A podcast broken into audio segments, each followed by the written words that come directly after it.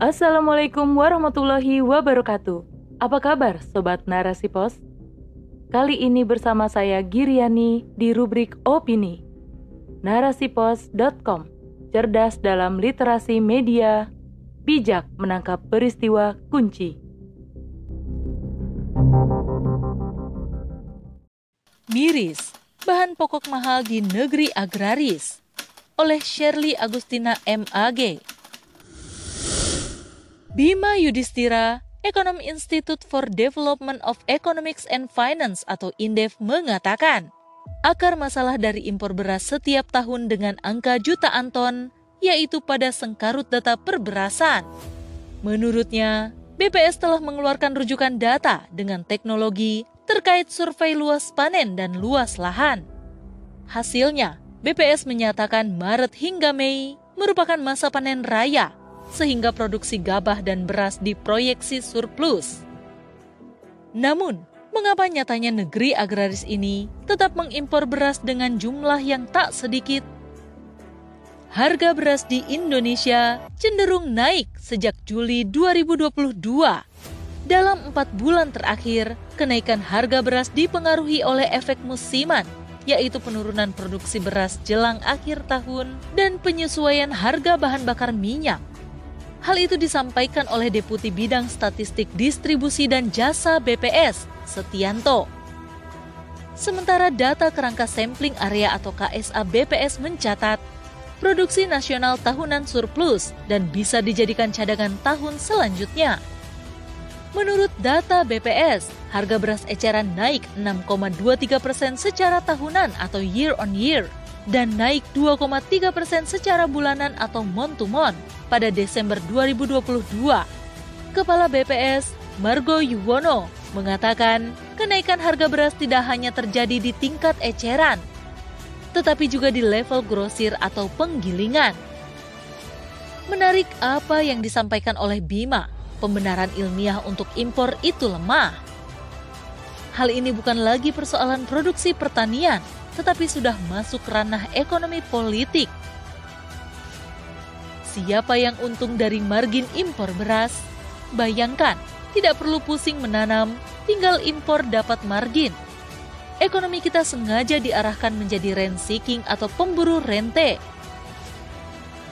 Menurut Bima, impor beras hanya solusi temporer karena masalah pangan beras terletak pada biaya input produksi beras yang naik di tingkat petani. Apabila impor menjadi jawaban setiap kali terjadi gejolak harga pangan, maka akan menurunkan minat petani. Imbasnya, petani akan berpindah ke tanaman lain yang lebih menguntungkan. Rakyat hanya bisa gigit jari menerima segala kebijakan yang ada tanpa bisa protes dan menolak. Rakyat tak tahu ada apa di balik mahalnya bahan pokok dan impor beras yang dilakukan negara tiap tahun. Padahal, Indonesia dikenal sebagai negara agraris. Harusnya bahan pokok tercukupi, harga terjangkau, dan negara tidak mengimpor beras. Akan tetapi, dari aturan yang ada membuat rumit permasalahan strategis ketahanan pangan sebuah negara. Menurut data Badan Pusat Statistik atau BPS, tiga provinsi yaitu Jawa Timur, Jawa Tengah, dan Jawa Barat masing-masing mampu memproduksi padi di atas 9 juta ton gabah kering giling atau GKG pada tahun 2021 diikuti provinsi lainnya, walau tak sebesar Provinsi Jawa. BPS juga mencatat pada tahun 2021, luas panen padi nasional menyusut 2,35 persen year on year menjadi 10,41 juta hektar. Lalu, produksi padi nasional pada 2021 turun 0,42 persen year on year menjadi 54,42 juta ton GKG dan jika dikonversi menjadi beras, volumenya menyusut 0,41 persen year on year ke 31,36 juta ton. Walaupun luas panen dan produksinya cenderung menurun, namun pada Agustus 2022, Indonesia menerima penghargaan dari International Rice Research Institute atau IRRI karena dinilai memiliki sistem ketahanan pangan yang baik dan berhasil mencapai swasembada beras selama periode 2019 hingga 2021. Seharusnya penghargaan ini bisa dipertanggungjawabkan dengan cara pemerintah bisa memenuhi stok beras yang diperlukan tanpa impor dan harga beras tidak mahal. Pemerintah harusnya sadar bahwa sistem yang digunakan saat ini banyak merugikan rakyat. Jika benar demokrasi itu dari, oleh, dan untuk rakyat, tetapi rakyat mana yang dimaksud? Karena dari setiap kebijakan yang ada, banyak yang merugikan rakyat, di antaranya harga pokok yang mahal. Sementara jumlah penduduk miskin di Indonesia pada Maret 2022 menurut data BPS yaitu 26,16 juta jiwa. Lalu, bagaimana nasib mereka yang hanya sekedar memenuhi kebutuhan pokok sehari-hari saja tak mampu? perlu perbaikan mendasar dan menyeluruh untuk menyelesaikan sengkarut permasalahan di negeri ini. Harus ada penyamaan persepsi antara pemegang kebijakan dan seluruh elemen tentang apa sebenarnya akar masalah di Indonesia. Karena jika benar diagnosa, maka akan tepat dicarikan obatnya. Sadarkah bahwa aturan yang selama ini dipakai sudah banyak membawa problem yang tak kunjung menemukan solusi yang tepat? permasalahan yang sistemis akan berkaitan dengan sistem yang digunakan. Karena sebuah sistem itu adalah satu kesatuan dari berbagai komponen atau elemen yang saling berkelindan satu dengan yang lainnya untuk mencapai suatu tujuan. Jika sistem saat ini banyak menimbulkan masalah, maka mau tidak mau harus ada keberanian dan keyakinan untuk merubah sistem yang ada.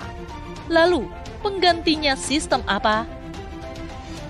Tak ada pilihan lain selain menggunakan sistem atau aturan yang sudah pernah dicontohkan oleh baginda Rasulullah Sallallahu Alaihi Wasallam. Karena beliaulah panutan umat Islam di dunia, syariat yang diturunkan pernah diterapkan sepanjang beliau masih ada dan dilanjutkan oleh para sahabat serta khalifah setelahnya hingga runtuhnya kehilafahan Turki Utsmani. Bicara solusi bahan pokok dalam sistem ekonomi, tak lepas dari sebuah sistem secara keseluruhan.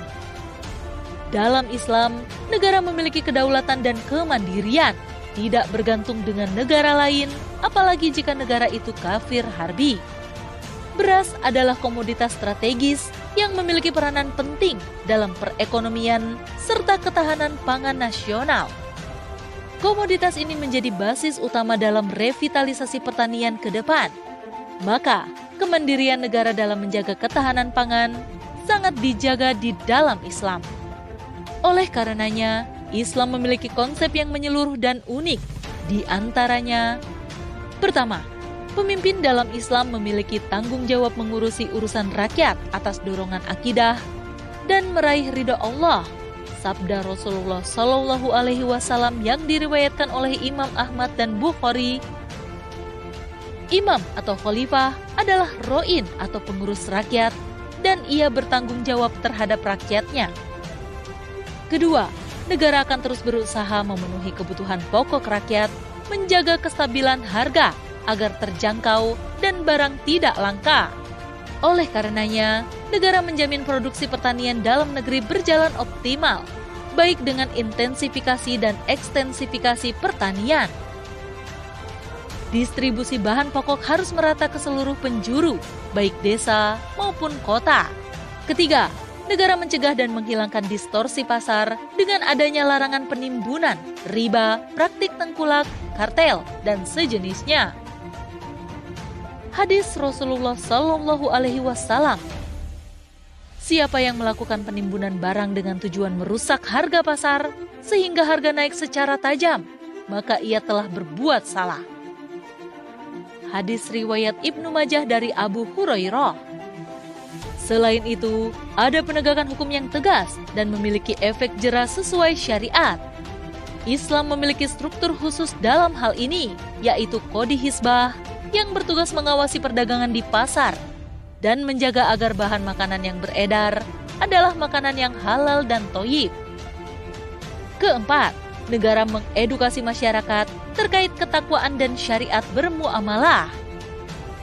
Dengan pemahaman bermuamalah yang benar sesuai syariat, masyarakat akan terhindar dari riba, konsumsi makanan haram, serta tidak panik buying yang bisa merugikan orang lain. Teringat pada sebuah kaidah usul, di mana pun ada syariat, di situ pasti ada maslahat.